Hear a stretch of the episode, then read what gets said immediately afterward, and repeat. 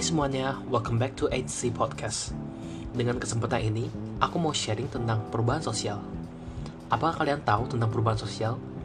John Lewis Gillin dan John Philip Gillin melihat perubahan sosial sebagai suatu variasi dari cara-cara hidup yang telah diterima, baik karena perubahan kondisi geografis, kebudayaan material, komposisi penduduk, ideologi, maupun karena adanya difusi atau penemuan-penemuan baru dalam masyarakat. Pasti kalian merasa pusing mendengar pengertian dari seorang ahli. Jadi, aku coba menyimpulkan bahwa perubahan sosial adalah perubahan yang terjadi dalam masyarakat dalam segi nilai, perilaku, maupun sikap yang nanti akan memberi pengaruh pada pola kehidupan masyarakat. Bagaimana caranya suatu perubahan sosial itu terjadi? Ada yang namanya faktor internal, yaitu dari dalam, dan faktor eksternal yang berarti dari luar. Contoh dari faktor internal adalah bertambah atau berkurangnya jumlah penduduk, penemuan-penemuan baru, terjadi pertentangan antar masyarakat atau bisa juga disebut dengan konflik sosial. Dan terakhir, terjadinya pemberontakan atau revolusi. Sedangkan faktor dari luar adalah lingkungan fisik yang ada di sekitar, peperangan, dan pengaruh kebudayaan dari masyarakat lain. Mirip dengan faktor penyebab perubahan sosial, ada faktor mendorong terjadinya perubahan sosial, karena perubahan sosial tidak akan terjadi sendirinya Salah satu contoh faktor pendorong adalah terjadinya kontak dengan kebudayaan lain. Pada saat budaya suatu masyarakat bertemu dengan budaya masyarakat lain yang berbeda, akan terjadi pengaruh timbal balik, yang berarti saling mendapatkan pengaruh dari kebudayaan yang berbeda. Selain itu, ada juga banyak faktor lain seperti sistem pendidikan formal yang maju, sikap menghargai hasil karya seseorang dan keinginan untuk maju, toleransi, sistem lapisan masyarakat yang terbuka, penduduk yang heterogen atau berbeda, ketidakpuasan masyarakat terhadap bidang-bidang kehidupan tertentu, orientasi ke masa depan, dan adanya nilai bahwa manusia harus berikhtiar untuk memperbaiki hidupnya. Nah, kalau ada yang mendorong, pasti ada juga yang menghambat. Sama juga pada perubahan sosial, ada faktor penghambatnya. Kurangnya hubungan dengan masyarakat lain akan menghambat terjadinya perubahan sosial, karena tidak ada hubungan timbal balik Lambatnya perkembangan ilmu teknologi juga dapat menghambat perubahan karena kehidupan masyarakat akan menjadi tertutup. Lalu sikap masyarakat yang ingin mengenakan tradisi masa lampau juga akan menghambatkan perubahan. Apabila terjadi perubahan dalam suatu kelompok masyarakat, perubahan tersebut akan mempengaruhi setiap individu yang berada di dalam kelompok tersebut. Karena setiap manusia memiliki pemikiran dan kepentingan yang berbeda, pasti ada masyarakat yang mudah menerima perubahan yang terjadi sedangkan ada yang tidak bisa menerima perubahannya. Perubahan sosial pun memiliki banyak jenisnya. Misalnya, perubahan lambat yang disebut evolusi atau perubahan cepat yang disebut revolusi.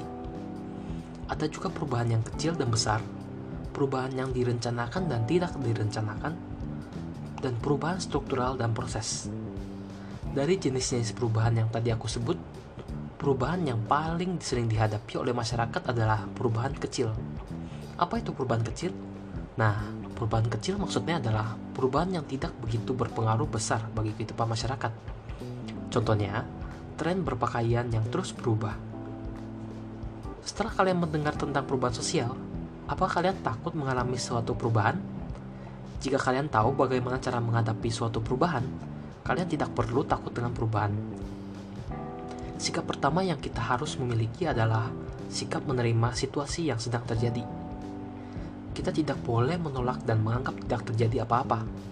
Lebih baik kita mengetahui situasinya, lalu menganalisis apakah perubahan yang sedang terjadi merupakan perubahan yang baik atau tidak. Kemudian, menentukan apakah kita ikuti perubahannya atau tidak. Selain itu, kita harus memiliki sikap positif Maksud dari sikap positif adalah kita harus fokus pada kekuatan dan peluang yang kita miliki dalam menghadapi suatu perubahan, bukan fokus pada kelemahan dan situasinya. Hal tersebut akan menimbulkan rasa ketakutan dalam kita. Suatu perubahan tidak akan selalu membawa dampak positif, tapi bisa juga berdampak negatif. Apa saja dampaknya? Ayo kita bahas dampak positifnya dulu.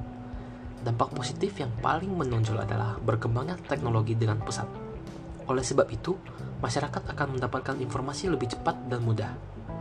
Kemudian, akan terbentuk nilai dan norma baru sesuai zaman yang berkembang. Selain itu, pemikiran masyarakat akan lebih terbuka karena banyak berinteraksi dengan masyarakat lain yang berbeda. Nah, nah sekarang dampak negatifnya adalah terjadi konflik sosial. Mengapa bisa terjadi?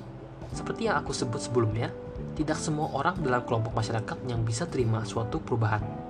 Maka, terjadi konflik antar kelompok masyarakat yang dapat menerima perubahan dengan maka terjadi konflik antara kelompok yang dapat menerima perubahan dengan kelompok yang tidak bisa menerima perubahan.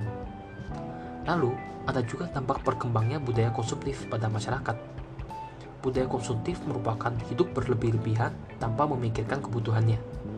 Kemudian, terjadinya kesenjangan budaya atau cultural lag, yaitu unsur-unsur yang tidak cocok dengan kebudayaan aslinya akibat berinteraksi dengan budaya-budaya lain yang berbeda. Sebagai masyarakat yang bijak, kita harus tahu perubahan yang baik dan benar. Kita tidak boleh selalu mengikuti perubahan karena perubahan yang terjadi belum tentu ke arah positif.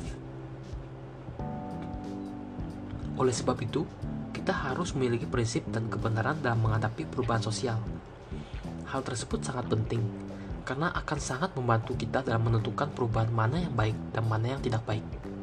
Selain itu, dengan memiliki prinsip sendiri terhadap perubahan sosial, akan tidak mudah dipengaruhi oleh orang lain karena sering kali orang-orang mengikuti teman dekatnya untuk berubah tanpa memikirkan prinsip sendiri.